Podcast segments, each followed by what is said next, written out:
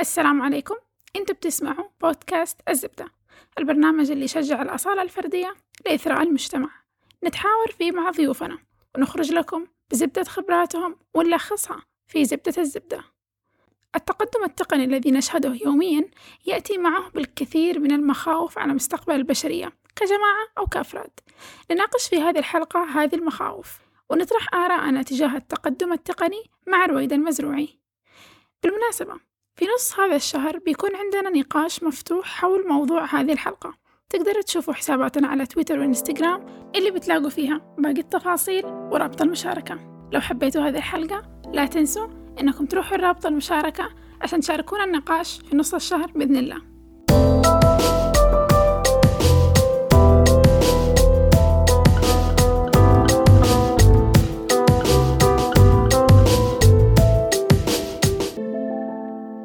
السلام عليكم. أنا محمد وأمس اشتريت كمبيوتر جديد للبيت. واو. مبروك. الله يبارك فيك. أنا عبد الله واليوم أول مرة في حياتي أسوي إعداد لحلقة. لأني والله ما أعرف فيها شيء. وقت ما جيت بأول مرة. أربكني. أربكني. والصراحة أنا شايف اوراق لا الأوراق كمان مدبسة. يعني حتى أقيم ترى. بشوف أدائك اليوم. يعني مش بس إعداد وأوراق وه... لا كاتبها بال Word ومدبس الأوراق و... لا. وكاتب تعليقات جانبية كمان two sets وفي كمان رسومات خارجية وشيء بال bold وشيء بالصغير وشيء آه معكم رويدة المزروعي وصح إنه تخصصي في مجال التقنية لكن مؤخرا بدأت أرتبك من فكرة الروبوتس جدا بشكلها البشري فبالنسبة لي الآن هذا هاجس خوفي. خايفة من الروبوتات؟ والله شكلها الإنساني هو المخيف بالنسبة لي. كيف شكل الانسان يعني. لا فعلا لما بدأت طرحت الموضوع ليا جات على بالي على طول بالي صورة ال- الروبوت بشكله البشري. وكنت أقول دائما لما أشوفها في الأماكن وفي الفعاليات هم ليش بيسووها كذا؟ يعني يعملوها ماشيين وخلصونا يعني بيصب لي قهوة. ليش شكل إنسان بيصب قهوة؟ إيش الفكرة؟ إيش ال point؟ يمكن عشان ما يحسوا الناس بالغربة وهذا المخيف إنه يمكن ال- الخوف نابع من فكرة إنه أو الهاجس اللي دائما إنه ممكن نتحول لآلات بش... بمشاعرنا وتعاملنا وأفكارنا فالتحول يكون يعني ب... ب... ك... ك... ك... كأناس يعني بس إنه يكون تدريجيا نتحول لآلات المشاعر تكون مقننة الأفكار تكون مقننة. تطلعاتنا آه، الآلية اللي نمشي عليها. فبالنسبة لي يمكن هذه الفكرة لما أشوف الروبوت كذا قدامي بشكله البشري أشعر كأنه ما بكون متشائمية بس إنه لأنه أنا مرة أهتم بالجانب الإنساني والعاطفي مرة كثير. واضح. ف... فلما أشوف هذه الفكرة قدامي متجسدة أخاف تكون هذا هو مست... يعني مستقبل الإنسان. مو بشكله هذا بس كرمزية. طيب مش الروبوت هو اللي قاعد يحاكي الإنسان؟ ولا إحنا اللي قاعدين نحاكي الروبوت مين بيقلد الثاني يعني قصدي هو في البداية آه، يتم يعني لو إحنا بنتكلم على ال AI واللي هو الأساس الروبوت وهو اللي كون التفاعل مع يعني بدأ يتفاعل الإنسان على أساسه للتوضيح AI يعني الذكاء الاصطناعي. Artificial intelligence. yes عشان بس تعرفوا دول الاثنين مذاكرين. لا طيب هو إحنا نتعامل مع تخصصاتنا كده مختصرات. بالضبط. يمكن عشان أنا okay إيش تخصصك عشان نعرف؟ آه، هندسة حاسب الشبكات هندسة حاسب وشبكات. أنا هندسة آه، كهربائية. وأنا الضايع بينهم يا أخوان. مرة أنا تخ- تخصصات إنسانية أدبية حسية مشاعرية. بالضبط. هذا اللي نحتاجه. إيه. آه فهو أنت تعطيه البيانات. مم. تبدأ زي إنك تدربه عليها. آه يبدأ هو تس... تدي بيانات إضافية يبدأ يتدرب عليها بعدين تختبرها. وتشوف كيف استقباله وتعامله معاها. آه وفي كل مرة تدخله البيانات كل ما الاستوعاب يكون عنده أكبر زي الإنسان زي الطفل بالضبط. تدي المعلومة الأولى يستوعب ويتعامل على أساسها وهكذا. فإحنا أولا هذا عملنا ذكائه يعني يتجسد. عملية أو عمل عقل الإنسان كده. بالضبط يعني هو بيتم نقله لل... لل... للآلة هذه العتاد. فعلى أساسه بيحاكي الإنسان. هل ال- الريبوت ممكن يصير آه، بشكل أو آخر هو إنسان أو بنفس مواصفاته بنفس كل شيء نسخة مكررة مثلا؟ أو يمكن السؤال ال... الأهم هل هذا الهدف أصلا من الروبوت إنه هو يكون إنسان كويس أفضل أقوى أذكى؟ في في نظري إنه هو أول شيء بدأ على أساس تغطية حاجة معينة. وعلى أساسه حتى في لو أنت تشوف الدرجات أو مراحل أو أنواع الاي اي أو الذكاء الاصطناعي يكون اول أول شيء بدأت يعني الذاكرة ما هي كبيرة جدا. بس هذه هذه الحين إحنا في في وسط المرحلة. المرحلة الأخيرة اللي هو فعلا حيكون بالضبط نفس الإنسان يحاكي وعي الإنسان بالضبط. فهذا هذا ممكن نوصل له وغالبا حنوصل له بالذكاء الآن اللي قاعد بيصير. بالنسبة لي يمكن لما قلتي إنه كنت تخافي إنه شكل الروبوت زي شكل الإنسان ليش بيسوي زي شكل. الإنسان قبل فترة يمكن تابعت حلقة على اليوتيوب من برنامج كذا كنت أحبه فبيشرح إنه كيف إنه ممكن تعابير الإنسان الثابتة مخيفة جدا على سبيل المثال الكلاونز أو المهرجين فكيف. إنه تعابير وجههم تكون ثابتة مع إنها ابتسامة المفروض الابتسامة تعتبر آه، رمز للسعادة رمز. للفرح فكيف إنه يقول لك الأطفال بيخافوا من المهرجين؟ زي مثلا ال- الفيلم اللي طلع قبل فترة. شوك الجوكر مثلا هذه شخصية الجوكر مثلا. بس إنه مثلا كيف ال- ش- إنه كيف هي تكون شخصية شريرة مع إنها مبتسمة طول الوقت. صحيح. فبيقول لك ثبات التعابير حق الوجه مخيفة جدا ل... للإنسان إنه يقول لك ما يعرف إيش داخل هذا الشخص أو إيش داخل هذا الشيء تعابير الوجه اللي قدامي. فيمكن هذا قاعد يضمر للشر فيمكن هذه هي الشيء المخيف الأساسي اللي موجود مثلا في الروبوتات اللي تشبه الإنسان أو في المهرجين. فيمكن إنه جزء ما في ملامح ما في مشاعر ما في أي شيء. بالضبط. وإنه شيء كمان يشبه الإنسان. يعني لو إنه مثلا صح. جدار ما يعني نفس الشكل. كان ماشيين عادي ما كان أمر مخيف. بالضبط. يعني آلة عادية. إيه، فين المخيف بيها؟ بس إنك أنت تصورها ك... كبشر وهي تاخذ أصلا وتقوم بتصرفات البشر أصلا. إيه إيه بالضبط. هنا المخيف. أنا بالنسبة لي بصراحة ما كنت آه، أخاف من الروبوتات بالعكس أنا كانت أمنيتي وأنا صغير انه تكون عندي روبوتات. الله. عجيب. أي والله. إيش يعني كنت كسال وتبغى شيء يجيب لك موارد لا يا أخي تعرف آه، مرة تعجبني حركات الروبوت والمصانع اللي تشتغل كده بشكل آلي. أنا من الناس اللي كنت معجب ب آه، القطع الد- ال dominoes هذه لما يطيحوها كيف الله. تصير إيه هذه جميلة مم. هذيك مرة تعجبني أحس نفس فكرة الروبوتات و...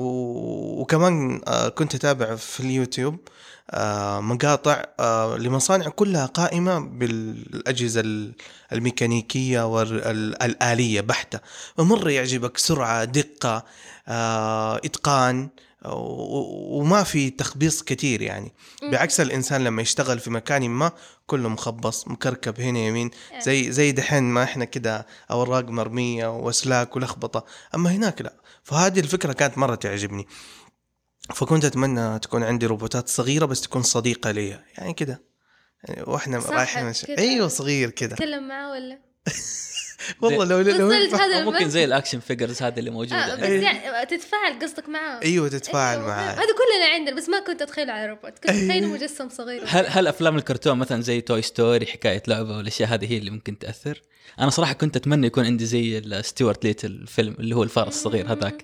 آه لطيف فا أيوة. أيوه فهذاك اللي كنت اللي من جد أبغى يكون عندي صاحب زي هذا. لكن لما كبرت زعلت إنه اكتشفت ان هذه الفكرة غير منطقية.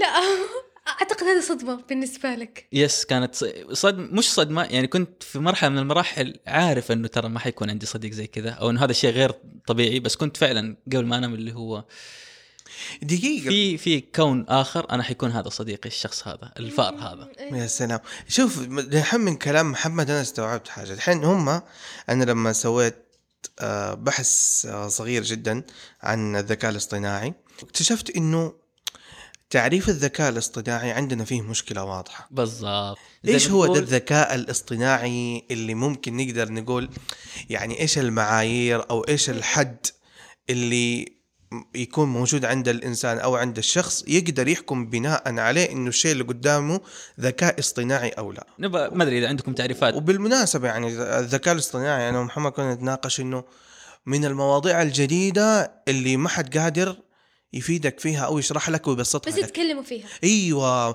يعني أوه، تلاقي مؤتمر عن الذكاء الاصطناعي إيه؟ محاضرة عن الذكاء الاصطناعي ملتقى آه، مخترعين ومصممين مش عارف إيه عن الذكاء الاصطناعي. طب إيش هو؟ ما حد. آه مم، تصدق لا. تطبيقات في تطبيقات. بالضبط اي في تطبيقات. بالضبط خلينا بالضبط. نبغى نعرف ما أدري إذا عندك تعريف واضح للذكاء الاصطناعي كذا حاجة بسيطة بحيث إنه أمانة ما نقدر عندي تف... نصل يعني تعريف واضح بس بس بجاوب على سؤال إنه فيه تقنيات يعني 3D الطباعة ثلاثية الأبعاد انترنت الأشياء آه الذكاء الاصطناعي هذه كلها عبارة عن تقنيات معينة تتكامل مع بعض تنتج لنا شيء واحد. بالضبط.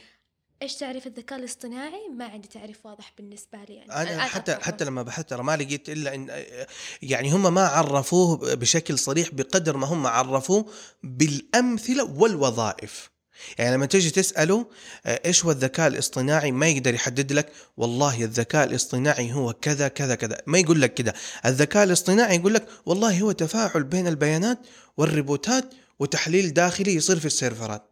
طب هذه وظائفه أصلا. ويتمدد في الشتاء ويتقلص في الصيف.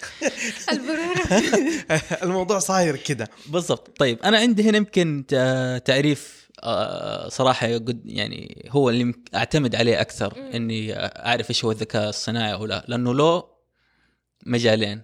في المجال الصغير اللي إحنا سهل نطبقه كمثلا مهندسين أو ك طلاب حاسب مثلا. فاللي هو كيف إني أسوي برنامج ياخذ المعلومات ويصنفها. وأنا اعطي له إيش هو هذا الشيء؟ يعني مثلا كأني أعلم طفل صغير. تعال يا طفل شوف هذا اللون أحمر الشريحة اللي بعدها هذا اللون أخضر. الشريحة اللي بعدها هذا لون هذا أصفر. الجزء المبسط أو القسم أيوه. المبسط. فيقعد يمرر عليه شرايح ونقول له هذا ترى كذا وهذا يحفظه. كذا وهذا كذا. بالضبط. فبعد ما يعدي مرة مرتين ثلاثة تجيب له شريحة تسأله تقول له إيش هذا اللون؟ حيجاوبك. حيقول لك انه هذا كذا وهذا كذا وهذا كذا. فهذا هو الذكاء الصناعي العادي. في الذكاء الصناعي المطور إنه هو بنفسه يشوف الشرايح ويقدر يتعرف بنفسه على الألوان. يعني يمكن هذه أحس إنها بعيدة جدا عننا. بعيدة فعلا أيوه. أو إنه أحس إنه فيها كذبة.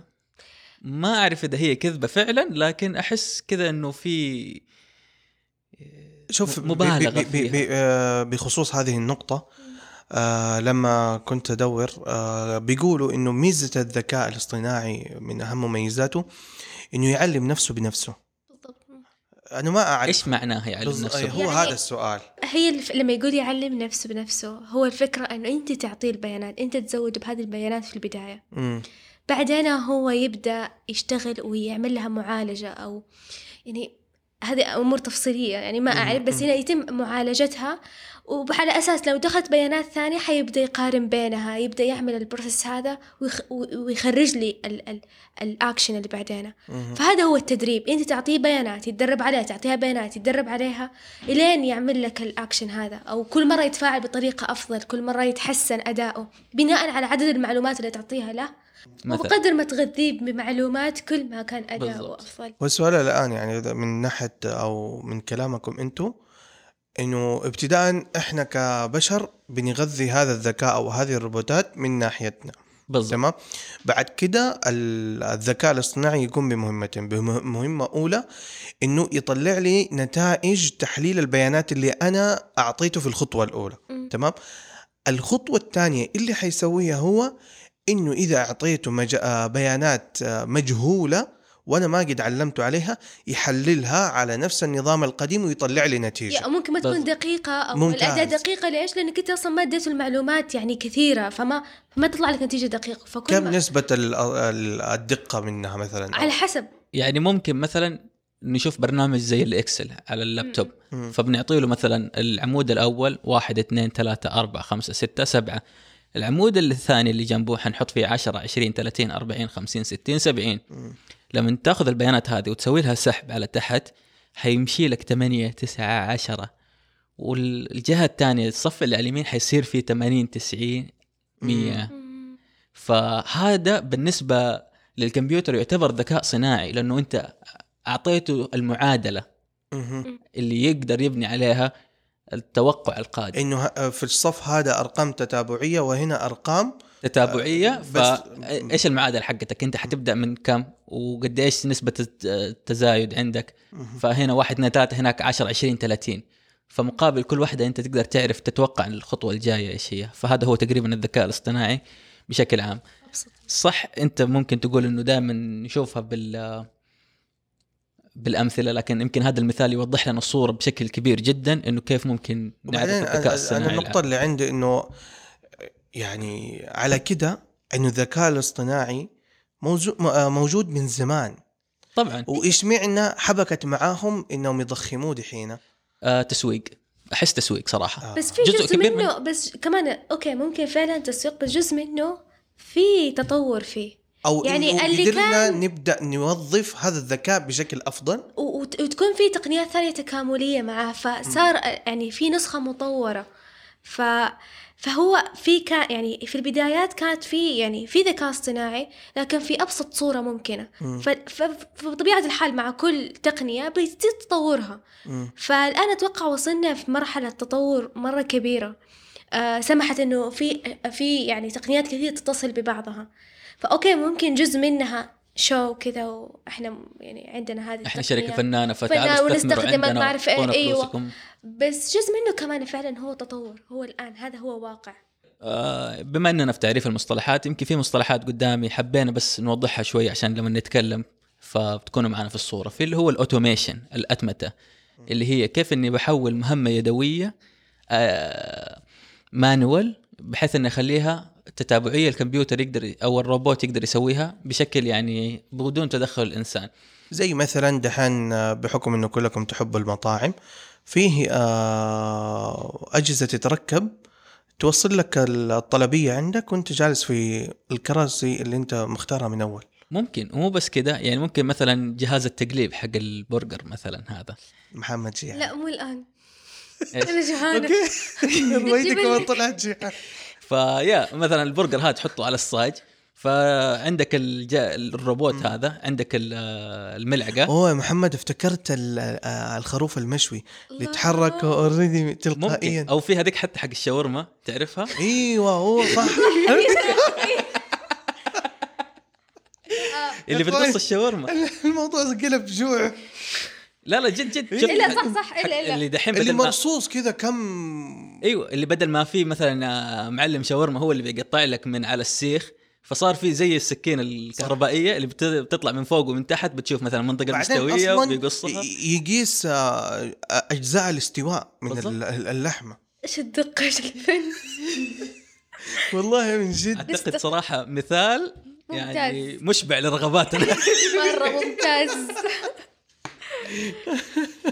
ف ومن المصطلحات اللي عندنا آه الرقمية مم. اللي تصير كذا كله ديجيتال آه تحول الرقم. أيوه التحول الرقمي تشوفوا دحين دول كثيره بتتبنى هذه المشاريع وتبغى تحول الخدمات العادية إلى إنها تصير خدمات رقمية. وتنفذ من غير ما أحد يتدخل ولا أحد يتلطع في حرارة الشمس ولا أي كمان حاجة الأرشفة تكون أفضل بالضبط. بالضبط ترتيب البيانات حتكون مرة سهلة وسريعة يعني عندك مثلا أقرب مثال آه، البنوك والخدمات الحكومية دحين ما شاء الله تبارك الله المملكة من الدول الرائدة الآن في هذا المجال في التحول الرقمي. مرة كويس. طب أيوة. هذا يقودنا للمصطلح القادم اللي هو disruptive تكنولوجي أو ما أدري في ترجمة هنا قدام اللي هي التقنيات المزعزعة اللي هي الم- المربكة اللي هي بت بداية دخولها تكون أيوة. مربكة لل بتغير آه، نمط الحياة اللي موجود. أو بالإنجليزي صراحة. زي باختصار منصة مدرستي.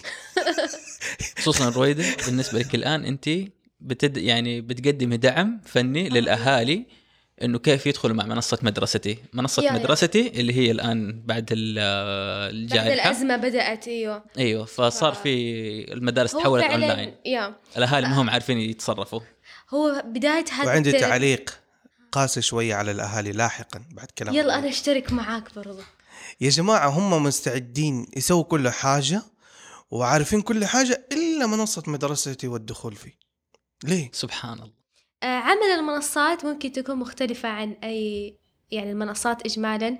تكون مختلفة شوية في مثلا لو الأطفال ممكن أنا قلت في البداية أطفال بس الموضوع مختلف بالنسبة لهم في التعامل مع المنصات التعليمية.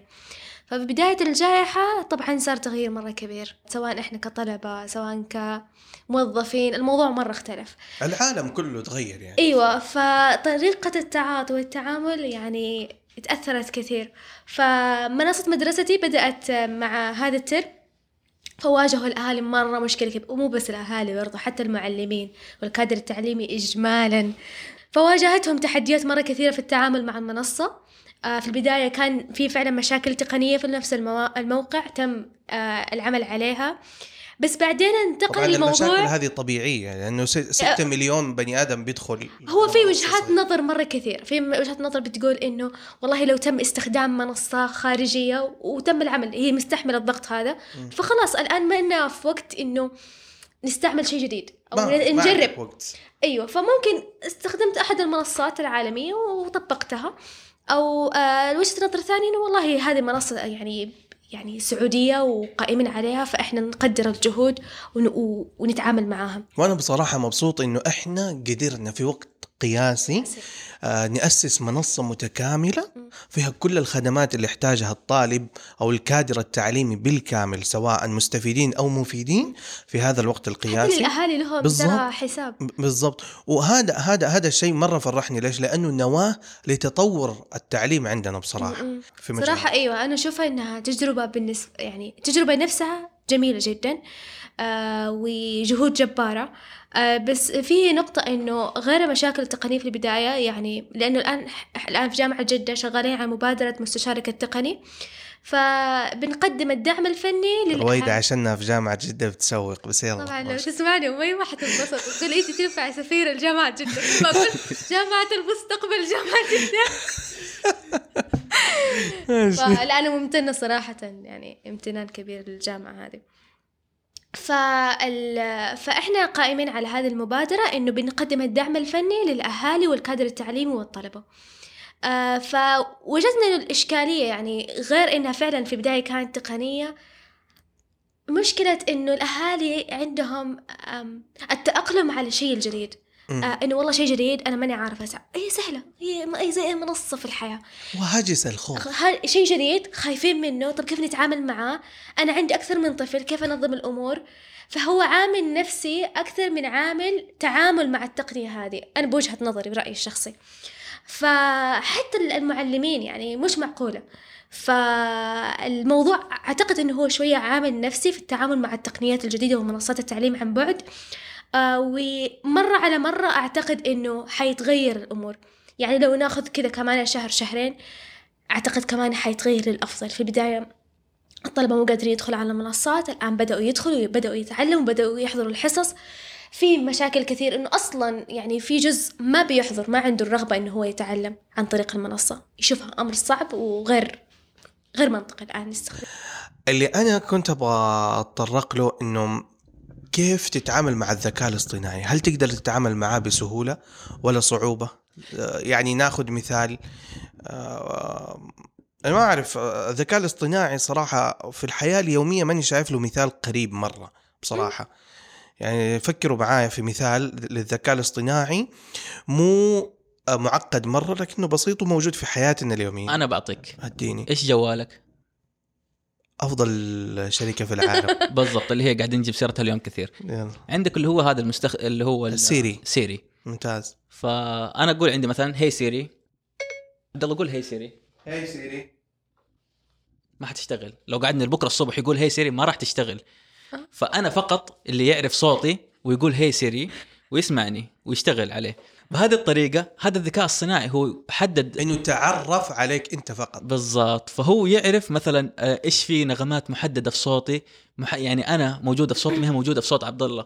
فعشان كده هو بس أنا صوتي. أحلى يا جماعة ترى. صوتك أحلى مو أحلى. هو أهم شيء أهم شيء الصوت يوافق هذا.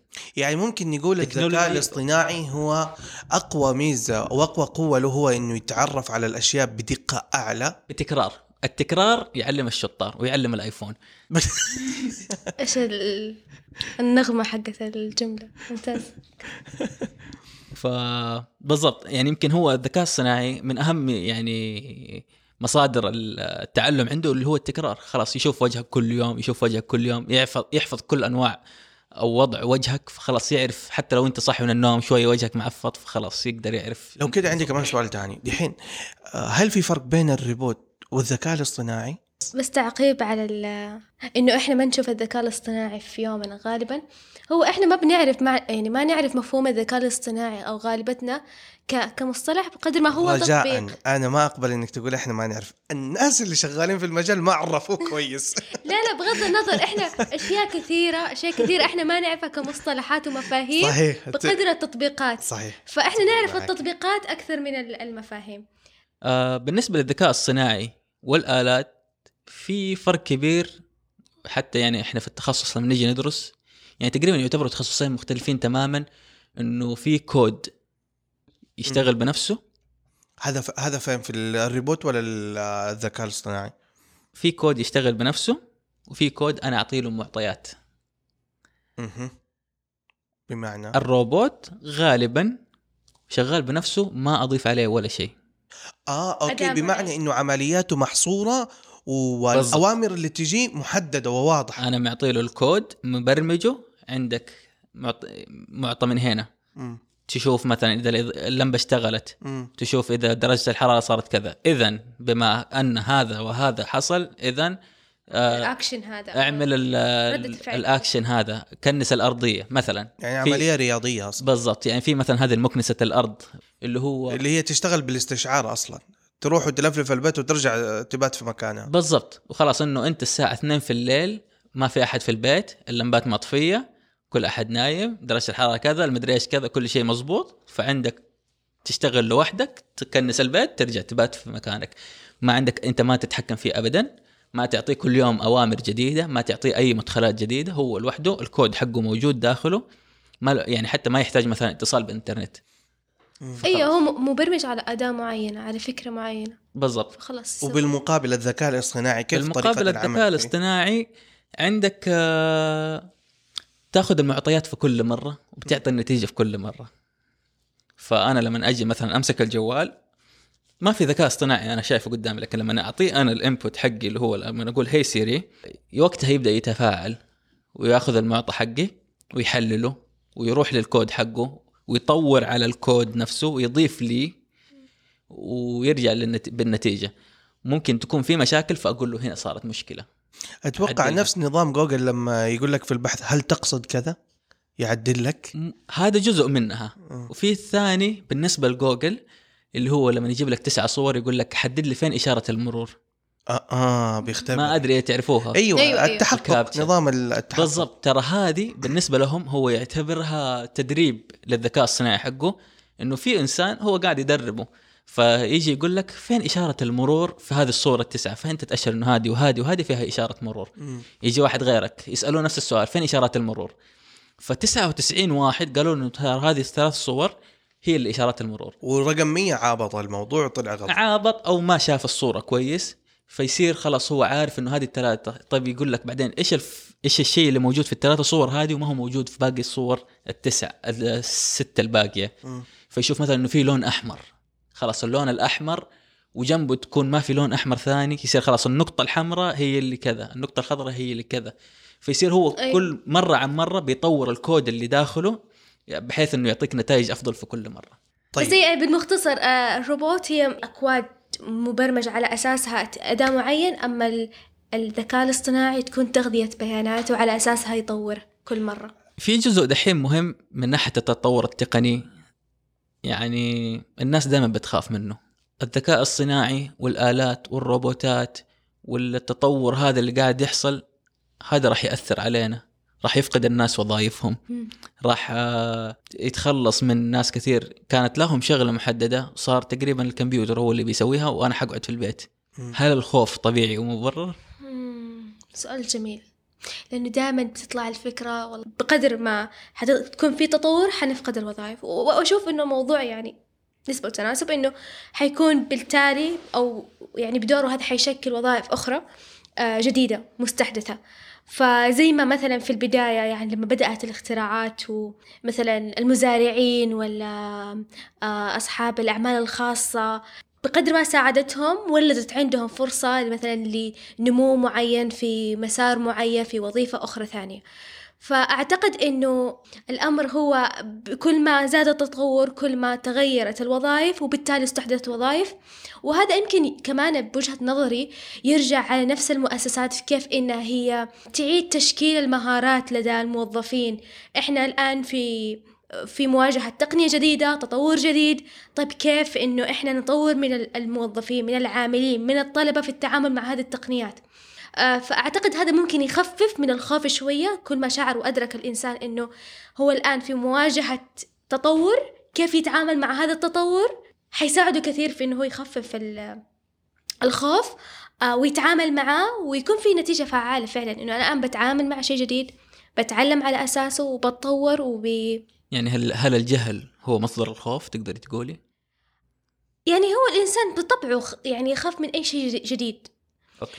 لما يبدأ يعرف ويدرك كيف يتعامل معاه آه ويعرف دوافع خوفه أعتقد حيكون أسهل بالنسبة له وحيخف الضغط يخف الخوف. أقرب مثال آه، سواقة ال- آه، البنات دحين. والله عندنا حلقات كتير كنا نتكلم عن أشياء فعلا مجهولة و... وكيف إنه أيوه. الآن بالتعلم الصوت؟ تعلمنا ما في صوت الآن. صوت الخوف هذا مو موجود. يعني مسألة ال- الخوف من الجديد هذا موجود آه، عبر ال- القرون الماضية أيضا. يعني طبيعة الإنسان وفطرته تخليه إنه يخاف من الشيء الجديد. يعني على سبيل المثال المزارعين كانوا أول ما طلعت الآلات والأشياء هذه كل واحد متردد إنه يستخدم وكل واحد متردد إنه آه، يعطي مجال آه، إنه دي الأشياء تنوجد عنده. وأيضا يعني مسألة الأشياء الجديدة هذه المفروض تكون حافز لنا إحنا كبشر إنه إحنا نتطور وإحنا كموظفين إنه إحنا نطور أنفسنا بشكل دائم. طبيعة الإنسان إنه كل ما أنت حركت آه، وظائفك أنت كل ما تطورت أكثر كثير ناس زي ما قلتوا أنتوا آه، ال- الذكاء الاصطناعي والريبوتات والأتمتة والأشياء هذه أفقدتهم وظائفهم. بالمقابل لو هم بس ساعدوا نفسهم وتعلموا كيف يتحكموا في دي الأشياء وكيف يتعاملوا معاها حي... حي... حيستمروا في وظائفهم. ويا جماعة الخير الإنسان لن يتم الاستغناء عنه على آه هذه الحياة. إذا أنت ما فلحت في دي قطعا حتفلح في حاجة تانية. طيب أنا أسمحوا لي أختلف معاكم في هذه النقطة لأنه الآلات والروبوتات والتطور التقني بشكل عام صح إنه الإنسان ممكن يتفاعل معه ويتطور معه لكن بتوصل مرحلة نسبة الذكاء اللي تحتاجها عشان تتعامل مع كمبيوتر مختلفة عن نسبة الذكاء اللي تحتاجها عشان تتعامل مع مطرقة ومنشار ومسمار. تحتاج صح. تكون إنسان أذكى تحتاج تكون إنسان متعلم تقرأ وتكتب. هذا بالنسبة لما نتكلم عن وهذا ومطرقة. آه، السبب اللي يخلي الذكاء الاصطناعي أو التقنيه ت- آه، تتفوق على الإنسان؟ مش بس كده لأنه في ناس مثلا يعني فهمهم أو مثلا تعلمهم على قدهم يعني جهلة أعمال بسيطة وحرفية بالضبط. و... أيوه يا دوب اللي هو الأعمال الجسدية مم. فالأعمال الذهنية ما يقدروا يأدوها بالشكل المطلوب فأنت صحيح. بتط... يعني بتطلب مني إني أقول للشخص شوف ترى جسدك ما يهم قوتك الجسمانية ما تهم لأنه في ترى دحين آه، آلة آلة بتشيل عنك وبتسوي الشغلة أفضل منك بمية مرة فأنت جسدك القوي هذا ما صرت تحتاجه مم. فالآن إحنا حتى ذهنك وعقلك الذكي صرنا ما نحتاجه. كمية الناس اللي قاعدة تفكر مثلا وهذا وصيروا خبراء ترى ما أحتاج هذا كله. أنا عندي كمبيوتر يسوي لي الشغل اللي أنتم كلكم قاعدين تسووا تسووا لي إياه فأنا كلكم أنتم ما أحتاجكم. ف أنا ما أختلف صراحة معك. أنا يعني آه، بين هذا وهذا يعني هي الفكرة فعلا في أشخاص حيفقدوا وظائفهم أو أعمالهم. آه، بس هي الفكرة إنه الرغبة في العيش بتدفعني بشكل أو بآخر إنه أنا ألاقي هو مو- الكلام يمكن يكون سهل لما أقوله. بس أعتقد إنه الرغبة لما إنه أنا بعيش أبى على الأقل أوفر اليومي فقط حيدفعني إنه أنا مثلا أتعلم مهارة جديدة أو إنه لو هذا ف- لو كان إنسان متوسط العمر آه وعنده المقدرة الجسدية والذهنية الجيدة فراح يلاقي مخرج. بس هو صحيح أكيد في في جزء خاسر أو في جزء حيكون مغلوب على أمره وما راح يقدر ينافس أو يجاري يتعامل هذا أو التطور يجاري هذا التطور وهذه سنة كونية طب هل, أيوة. هل هذا إنه أصلا يعني أقرب مثاله ليش وجد نظام التقاعد أصلا في الوظائف عشان تعطي فرصة لغيرك لما توصل لمرحلة إنك أنت تحس إنك ما تقدر تجاري هذا المكان أو هذه الأشياء اللي بتصير آه خلاص صار الوقت إنك أنت ترتاح. وتريح نفسك وتعطي فرصة لغيرك لأنه اللي غيرك يجي من بعدك حيقدر يطور و و إلى آخره عشان تستمر الحياة. طب إحنا كده هل يعني أعتبر من الاخلاقي اني أقول كل الناس اللي ربنا أعطاهم مثلا قدرة فائقة في البنية الجسدية ولا مثلا ذكاء محدود أو ذكاء عادي. هل أقول لهم كلهم خلاص أنتم اقعدوا في بيتكم ولا مالكم وظائف؟ بس أنا أبغى الناس الأذكياء اللي يشغلوا لي لا الاجهزه طبعا يا محمد لا تنسى إنه نسب وظائف الذكاء الاصطناعي أو نسب آه الناس اللي نحتاجهم فاهمين في ده الموضوع ترى قليل. يعني لا لا ت- بالضبط أيوة، والبقية حيقعدوا في بيتهم؟ لا ابدا بالعكس. والشغل كله يصير على الروبوت. بالضبط. يعني الناس اللي حتفقد وظائفها مو عددها كبير على فكرة يعني. في الأول والأخير ال- الروبوتات هذه آه، تحتاج إلى إنسان يتحكم فيها في الأول والأخير. حلو ممتاز. بس الإنسان اللي حيتحكم فيها آه، يحتاج يكون أنت مثلا قصدك إنه الروبوت هذا بيخليني أستغني عن عشرة. أنا أعطيك مثال. دحين مثلا بالسيارات الق- القيادة الذاتية أنا أقدر أستغني عن كل أصحاب التكاسي اللي بيسوقوا وأقول إنه عندي سيارة تسوق نفسها بنفسها وهي ب... بس هذا يعني الأمر بتسوق نفسها يعني, بنفسها وكل السواقين ما. أحتاجهم. فالسواقين يعني- هذول فين حيروحوا؟ يعني هذا الموضوع يعني ينطبق على أشياء كثيرة لو بناخذها على م- هذا المثال يعني مثلا لما كان في تكاسي بعدين عندنا كريم أوبر مم. يعني كثير من التكاسي يعني ما ما قدروا لأنه خلاص في خدمة تنافس بعدين دحين بدأوا السيدات بيقودوا السيارة فبالتالي في منافس. فهو بطبيعة الحال إحنا كل ما قاعدين نقلل عدد الوظائف اللي الناس هذول يقدروا يشغلوها هذا هو يعني هي المصيبة الكبرى فين تعرفه؟ إنه الذكاء الاصطناعي أو ال- الروبوتات والتقنية قاعدة تخسر يعني الجزء الضعيف في الطبقة العمالية. بالضبط. هذا اللي أنا يعني أقصده. الطبقة اللي تحت مرة اللي أعمالهم يومية وبسيطة آه هم هدول صاروا يخسروا وظائفهم بشكل أكبر. طيب مين ال- الدور؟ مين ما أعرف مين تعتقدوا آه، له دور فعال في إنه يحقق تأثير على هذه الطبقة بحيث إنها تكون منسجمة أكثر. إنه الشركات تبطل تجيب أتمتة لأشياء آه، صغيرة مثلا أو إنها تشغل فئة كبيرة من الناس. ليش ما ممكن يكون يصير في دمج؟ يعني الشركات والمؤسسات هذه تبدأ تقدم خدمات أو مسؤولية اجتماعية أو مجتمعية ناحية هذه الفئات اللي غير قادرة على أنها تندمج مع التقنيات الجديدة مثلا بتقديم برامج معينة أنشطة معينة تخليهم متمكنين أكثر لأنه هو التطور حاصل حاصل. صح. إنه يكونوا أمام أمر واقع يا يكون انتهى الموضوع بالنسبة لكم ما راح تقدروا تكملوا أو في مجال إنك أنت كمؤسسة تخدم المجتمع بحيث إنك أنت تاهله وتمكنه في هذه الأمور. ومو شرط يكون يعني ما هي مو شرط كمان تكون هي أعمال تحتاج قدرات ذهنية عالية أو أنا ممكن أكون كمبرمج. هي ممكن إشراف ممكن مراقبة ممكن تعامل مع الأشياء البسيطة التقنية. فأعتقد إنه في خيارات جيدة في التعامل مع هذه الإشكالية وهذا التحدي. بس يبالها جهود. طيب يمكن عبد الله قال قبل شوي اللي هو الشر... نجبر الشركات إنه ما تجيب مثلا قدرات من التقنية بحيث إنها تستبدل وظائف هذول الأشخاص. خاصة الوظائف العادية البسيطة اللي تحت يعني. طيب ليش مثلا أنا قاعد أخسر يعني ادفانتج من هذه التقنية عشان بس إنه في ناس تتوظف؟ أي ما لأنه الشركات ما تتك... يعني أشعر إنه ما تهتم يعني يعني الشركات مادية. أيوة يهمها هو الربح عامل بس. مهم بالنسبة له بقدر ال- المبلغ أو ال- الأرباح. مو بس كده لأنه كمان ممكن طيب أنا ل- كشركة مثلا أو حتى كمؤسسة غير ربحية أو مؤسسة حكومية لما أجي أخدم الناس وأقدم لهم خدمات إلكترونية مثلا زي الحكومة دحين لما تيجي تقدم لها خدمات إلكترو- إلكترونية في جزء كثير من الموظفين صار ما لهم يعني ما لهم دور مثلا في تقديم الخدمة. أنا كمواطن أنا استفدت من الخدمة الإلكترونية المتطورة الهائلة بس على حساب هذولاك الناس ففي تر- يعني في أخذ وعطى في الموضوع.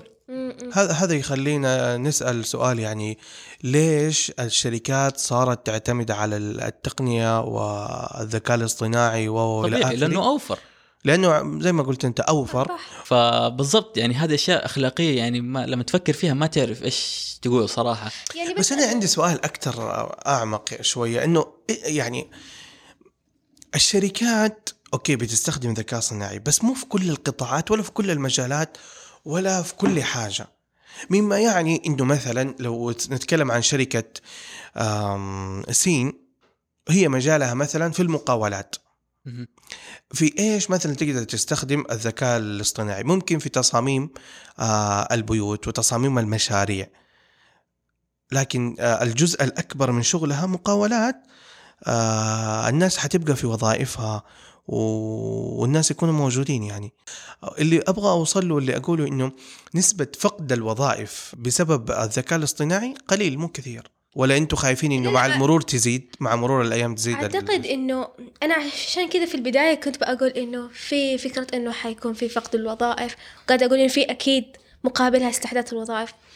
بس مبدئيا ممكن الآن ما حنشوف تأثيرها بقدر لو مرينا خمسة عشر سنوات حنشوف التأثير بشكل أكبر لأنه الآن بدأنا يعني يمكن ما أعرف لنا كم وإحنا نستخدم هذه التقنيات سواء في الحكومات أو حتى في المؤسسات. فممكن مو الآن تطلع يعني تقدر نتائج. تقولي عقد من الزمن يعني عقد من الزمن عشر سنوات تقريبا. أيوه ممكن. بعدها تبدأ توضح الرؤية فعلا في الرايحين أفتكر ما أعرف شفت لما أول ما طرحت لي الموضوع وقاعدة أقرأ إنه على أساس 2020 77% من الوظائف ما حتكون موجودة. أنا ماني عارفة مين اللي عمل التقرير لكن في الأخير إنه نسبة كبيرة بيقولوا إحنا أهو على مشارف ال هو كمان 22. في دراسة من معهد ماكنزي الدولي خلال سنتين سووا دراسة وكذا إنه بحلول 2030 يعني الآلات راح تسيطر على 30% من وظائف الناس اللي بتشتغل الآن يعني يعني- هذه توقعات توقع. عموما بس في نفس الوقت أحس في وظائف كثير فعلا فقدناها بس في وظائف جديدة طلعت يعني بعطيكم مثال من واقع تخصصي اللي هو إن شاء الله في اللي حاشتغل فيه في المستقبل. شركة الكهرباء الآن بتركب في السعودية العدادات الذكية. مم. فصارت العدادات آليا بتقرأ من الشركة نعم. بحيث إنه ما صار في حاجة للعدادين اللي هم ينزلوا ويقروا العداد ويشوفوا كم أنت استهلاكك هذا الشهر. وعلى أساس يحسبوا عليك الفاتورة. فصارت المعلومة على طول بتروح لشركة الكهرباء وبتبان عندهم كل المعلومات وتصدر الفاتورة اليا. فصار في ويقفلوا ويقطعوا عنك الخدمة ويرجعوها آليا بالضبط فصار عندك حوالي آلاف يمكن حتى أظن ألف أو ألفين من القارئي العدادات هذولا صار وظيفتهم تقريبا ما لها داعي انتهت وظيفتهم. فإيش بتسوي مثلا شركة زي هذه؟ صار في لهم إعادة تأهيل إنهم يشتغلوا مثلا في مجال الصيانة.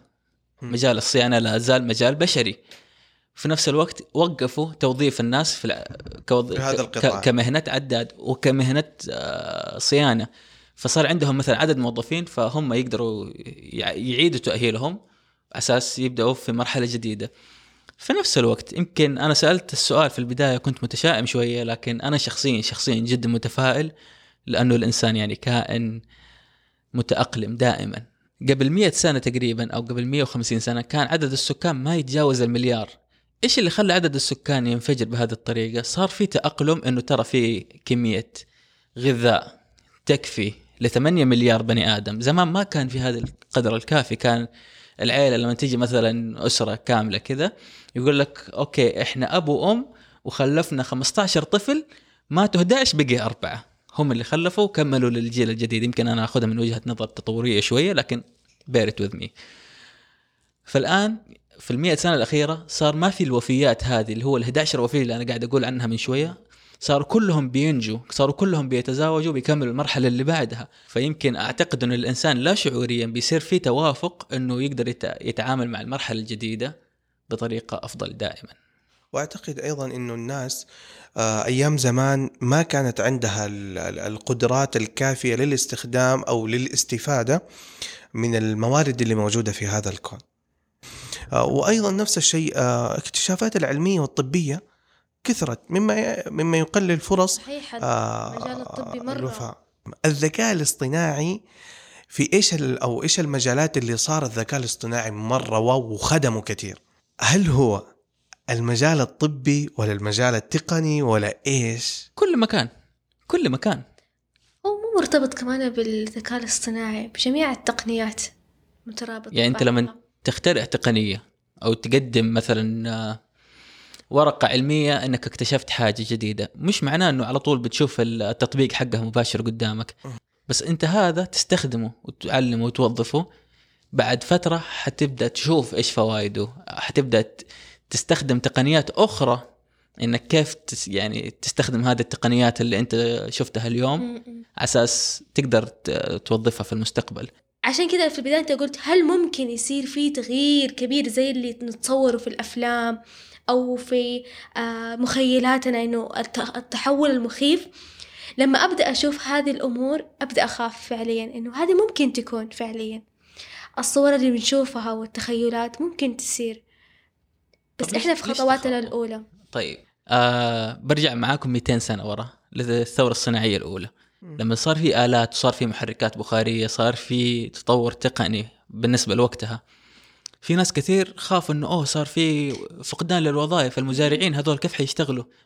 طيب إحنا كمان في أشياء ثانية ما كانت تخطر على بالهم هذيك الفترة اللي هو صار في عدم حاجة للعبيد مثلا. يا.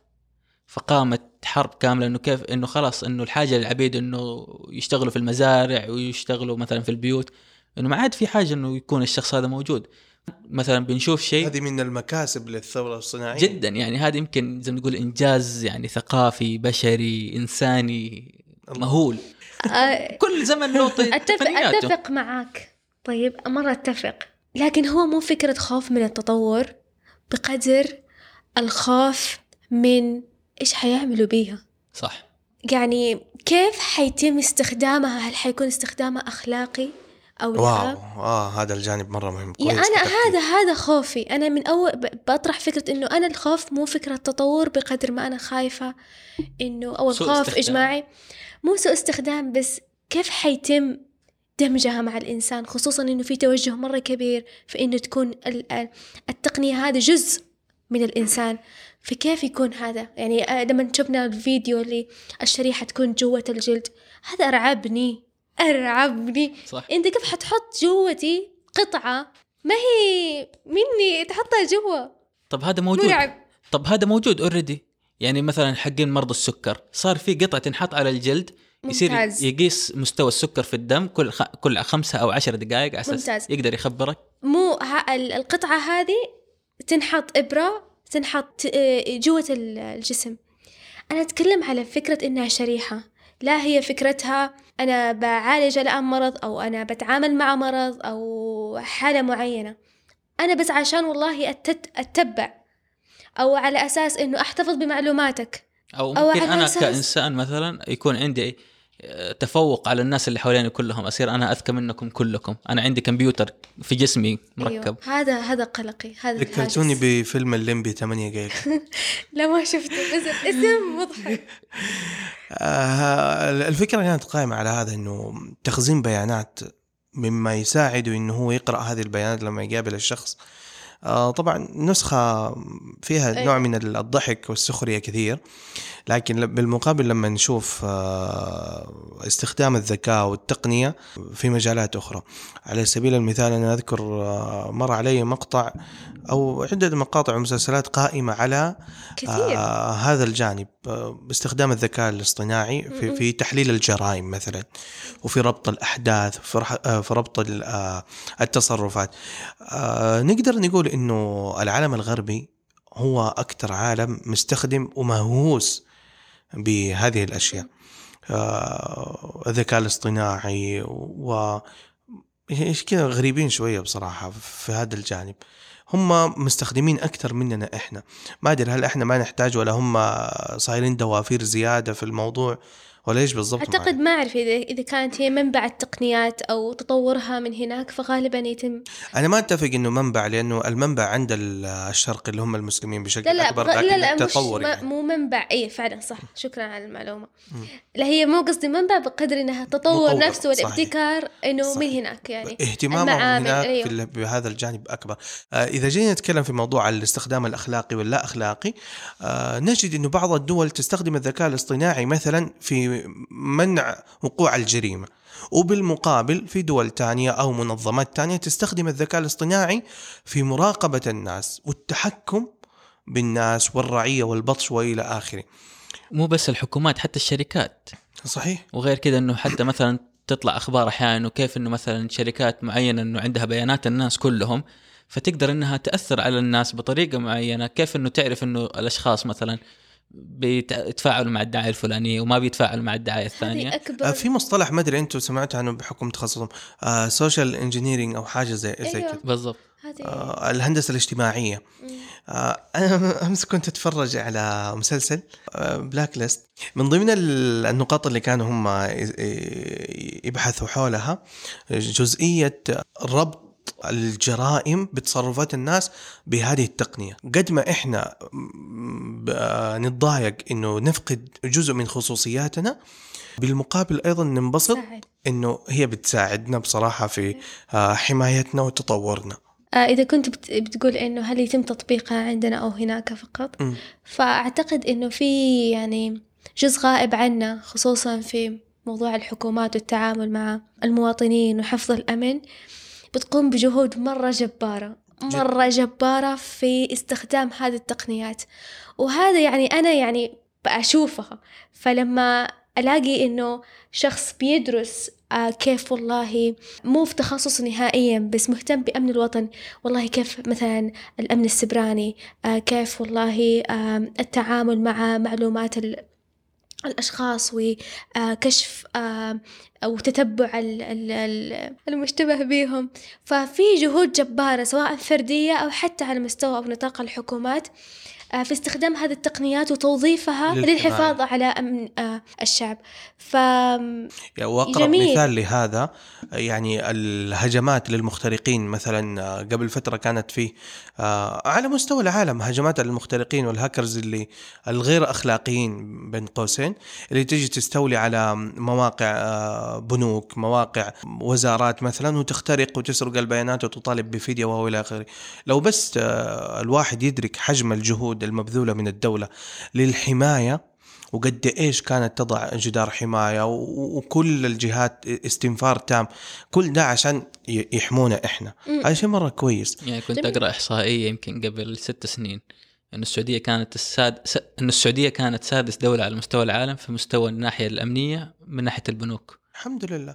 يا عمي يا شيخ يعني- إحنا بس نتفوق يمكن على العالم موضوع رسالة ال- الجوال النصية اللي توصلك لما تسحب. كثيرين يقولوا ترى ما في على مستوى العالم. صراحة أنا دوبني أعرف إنه والله آه إحنا بس اللي عندنا صرافات ها خارج نطاق هذا خارج النطاق بس إنه من جد. wow! من جد؟ إحنا دحين خلاص بنتخلى عن الصرافات لأنه في التقنيات اللي بعدها. دخلنا بيصير؟ جيل جديد. فأعتقد إنه إنه البنوك تأكد لك والله أنت سحبت كده ورصيدك باقي.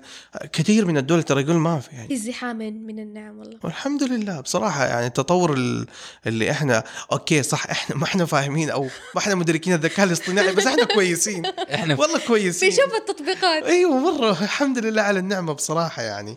طيب ونحمد ربنا على نعمة هذه الحلقة وننتقل الآن إلى فقرة الزبدة. آه. أوكي. عبد الله، الزبدة والله إيش إنه زبدتك من الحلقة اليوم؟ الزبدة يا جماعة إنه أنا قريت كثير في الذكاء الاصطناعي وكان نفسي اتكلم عنه كثير بس ما قدرت. بس لا والله يا محمد معلش لازم في نقطتين مهمة صراحة. قول تكفى. قول قول. أنا سؤالي لنا كلنا هل الإنسان العادي يمديه يستخدم الذكاء الاصطناعي ولا هو فعلا مستخدم بس ما يعرف المسمى؟ إحنا جربناها قدامك بالآيفون تطبيقات هي فقط أنت ما حتشوف. طيب. يعني مثلا بس بذكر لك مثال زي مثلا مفهوم إنترنت الأشياء. انترنت الأشياء بكل بساطة كيف أنا أربط أكثر من جهاز آه وأخليه متفاعل مع الإنسان. هذا أبسط شيء. فدائما بيقول انترنت الأشياء انترنت الأشياء. هل فعلا إحنا بنستخدمها أو لا؟ لما أدخل على البيت تشتغل لك اللمبات. يعني أنا دحين لما أقرب من البيت مثلا معي جوالي في جيبي. الجوال يعرف أنا فين موقعي بالضبط. فلما أقرب من الحارة يبدأ هو يشغل مكيف يبدأ يشغل لمبتين ثلاثة. يصير خلاص لما أوصل البيت يكون المكيف شغال له دقيقتين ثلاثة. حاجة لما ت- آه، تجي على مواقف السيارات في الجراج الجراج يتفتح لك. هذا مو إنترنت في تفريق. آه. هذاك حساس sensor آه. IR. فبيشوف إذا في سيارة إذا انقطعت الإرسال حق ال IR معناه إنه في سيارة جات هنا. فيقدر يفتح البوابة. هذا ما هو إنترنت هذا الشيء. يعني زي ما نقول يعتبر دم. حساس. إي حساس فقط في مكان ويشتغل وانتهينا. الإنترنت لما يكون موصل بالإنترنت لما أنا أكون مثلا داخل الحارة لسه بعيد. أو مثلا ممكن أقول في الساعة الفلانية. أو مثلا لما أكون أنا في البيت وزوجتي برا ولا أنا برا وزوج عارف دي الطريقة. ف يمدينا نسوي موضوع الجراج بالإنترنت. ممكن طبعاً. جدا. يعني بالجوال ممكن يكون ابلكيشن معين مربوط بأكثر من شيء في البيت. آه بتتحكم فيه عن بعد. يعني زي ما قلت إيش؟ السؤال الثاني هل حتأثر على صحتنا؟ أحس آه، تأثيرها تأثيرها على الجسم. آه ما أعرف هذه كله من ناحية صحية وطبية قد إيش أثرها. أنا بالنسبة لي كمان هذا على فكرة هاجس ترى إحنا جانب ما تكلمنا عنه إنه الذكاء الاصطناعي آه بيحمي الإنسان على سبيل المثال في كثير آه جوانب فيها خطورة إذا الإنسان يعملها بالمقابل يغطيها الذكاء الاصطناعي أو التقنية بشكل عام والروبوتات يعني مثلا آه أتوقع لو جينا ننظف آه برج خليفة آه القزاز من برا الريبوت ممكن ينظف. بالمقابل لو طلعنا واحد حيدوخ ويطيح صح. علينا. آه، مثلا آه، اكتشافات النفط مثلا كثير منها تق- آه، تقوم بالاشياء هذه. ذكرتني أفتكر آه قابلت شخص يشتغل في ارام كمهندس. وكان يقول إنه آه الآن حاليا آه جالسين يشتغلوا على درونز في مراقبة المساحات البعيدة واللي بع... والقريبة من المخاطر اللي ممكن والله لو جاء واحد كان عمل شخص يعني راح راقب ممكن من الحرارة ينصهر. بالضبط أو ممكن يصير أي حوادث مخاطر. فهذا يعني قريب بدأوا يستخدموا drones عشان يراقبوا ويتأكدوا من كل شيء. أنا صراحة ماني فاكر بالضبط إيش الآلية أو إيش بالضبط المكان بس ساعدهم في التخفيف من احتمال المخاطر والآن قاعدين يطوروا من عملية ال drones وكيف المراقبة بحيث إنه يعرف هذا المجسم إيش بالضبط كيف يتعامل معه. فهذه من أحد الأمور اللي ممكن تساعدنا في وأيضا كمان ترى بيرفع من نسبة التعلم آه، وإنه إحنا نصير نستوعب الحياة بشكل أفضل. وخاصة أطفالنا ما شاء الله. ما هو ذكاء بقدر ما هو paradigm shift paradigm shift يعني لما نتكلم الآن إحنا على وضع طبيعي كان عندنا مثلا. بالمثال اللي أخذناه في هذه الحلقة التعليم في المدارس. مم. فهذا هو كان ال paradigm هذا ال paradigm كان. طيب سوينا ال shift إيش اللي صار؟ مم. صار كل واحد في بيته مم. ماسك جواله ماسك لابتوبه ماسك كمبيوتره وهذاك الدكتور أو الأستاذ في بيته وبيشرح أو مثلا ممكن نقول بدل الشخص الواحد يدرس 25 طالب أنا عندي أفضل مدرس في العالم يشرح أنا أخليه يشرح للمليار طالب اللي قاعدين ياخذوا هذه المحاضرة صحيح وخلي مثلا المدرسين والأشخاص الآخرين بدل ما يكون يشرح للطلاب كل يعني كل المدرسين يشرحوا للطلاب أنا أخفض من مهام المدرس مثلا. مو كل المدرسين عندهم. بتوفر وقته إنه يتابع أكبر قدر ممكن من الطلب بالضبط. ومو كل المدرسين عندهم ملكة التف... يعني التدريس والتفهيم. مم. فليش ما إحنا أصلا نخلي واحد أحسن واحد هو اللي بيشرح أو حتى عدة أشخاص. لما كل واحد يفهم بطريقته عند الشخص اللي يناسبه يصير الدكتور الحق اللي في الجامعة أنا أروح له أنا فاهم. نتناقش على فهم. يعني زي ما تقول أخذنا خطوة إضافية في التعليم. بدل ما أروح له أنا صفحة بيضاء ويجي هو يحاول يفهمني وإحنا إذا قدرنا نحل مشكلة ال- الجهل وصاروا الناس متعلمين تلقائيا حنعالج مشكلة الفقر بدون أي كلام. ليش؟ نسبة الفقر عندنا بتزيد لأنه الناس ما عندها آه، قدرة إنها تشتغل مثلا أو تفقد وظائفها بسبب إنه ما في علم. العلم هو أساس كل شيء. فلما الناس تكون متعلمة خلاص أنت ما حتشيل هم والعلم كمان بيساعدك إنك كيف تزرع أكبر أرض ممكنة زمان يقول لك هذه. صحراء قاحلة ما ينفع تزرعها بالضبط، الآن أنا بالضبط. عندي العلم والمعرفة إني أقدر أزرع الصحراء تعمل دراسات أكل ترابية وتكون أطعم. من الأكل اللي بيطلع لي من الأرض هو الزراعية هو أصلاً. ده فالذكاء الاصطناعي والتقنية بشكل عام بيعلم الإنسان ويطور الإنسان فالتقنية بشرى. خير لنا مستقبلا وحاليا كمان ننتقل إلى فقرة الزبدة. والله الزبدة يا جماعة إنه الذكاء الاصطناعي أو أي تقنية جديدة آه هي أتوقع في خدمة الإنسان لأنه الإنسان هو اللي بيخترعها وبيطلعها.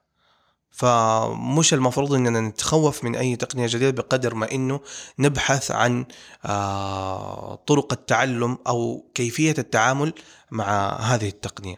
وفي الأول والأخير يعني آه الحياة تجارب.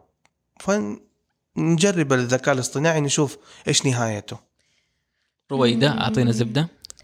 أعتقد إنه التطور لا بد منه. مخاوفنا بطبيعة الحال حتكون موجودة مع التغيرات الجديدة.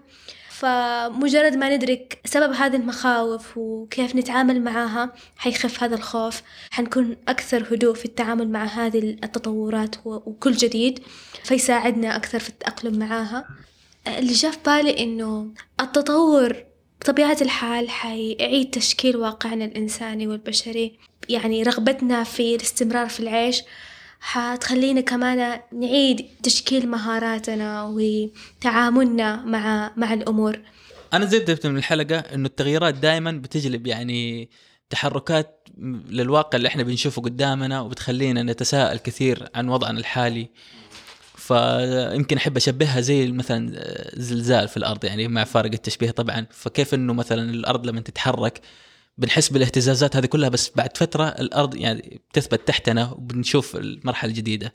لكن في المرحلة الانتقالية هذه اللي إحنا بنمر فيها لازم الواحد يعني يكون قدامه بوصلة أخلاقية يقدر يتعامل فيها مع الناس ويقدر يشوف فيها مصلحة البشرية بشكل عام عشان نقدر نتجاوز المرحلة هذه مع بعض الأنانية. في هذه الأمور ما تفيد أحد.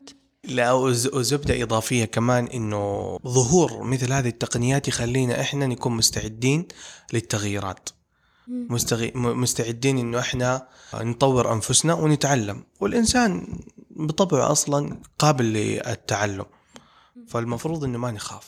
آه، والخوف ترى شيء صحي وطبيعي. كثير من الإنجازات بنسويها في حياتنا بدافع الخوف. إحنا بنشتغل ليش؟ عشان ما نقعد طفرانين. فلا تستنى ابدا إنه تكون في جائحة عالمية هي اللي تدفعك إنك تتطور. أنت بالضبط. الح... اس- اسبق الزمن. وقد كلنا آه، خضنا تجربة أزمة كورونا. اسبق آه. الزمن. هذه زبدتي من الحلقة. بالضبط. okay. اللي حاب يتواصل معانا حيلاقي. حنفتح discussion يعني مرة جامد. حنسوي post على انستغرام وحنسوي آه، تغريدة على تويتر وحنظل طول الشهر نغرد بهذا الموضوع حنكون موجودين. حنكون موجودين. آه وعني صراحة حكون جدا سعيدة إنه أسمع أفكار جديدة أتناقش على أساسها. فيس هذه كانت حلقتنا اليوم. شكرا لاستماعكم. إلى اللقاء. إلى اللقاء.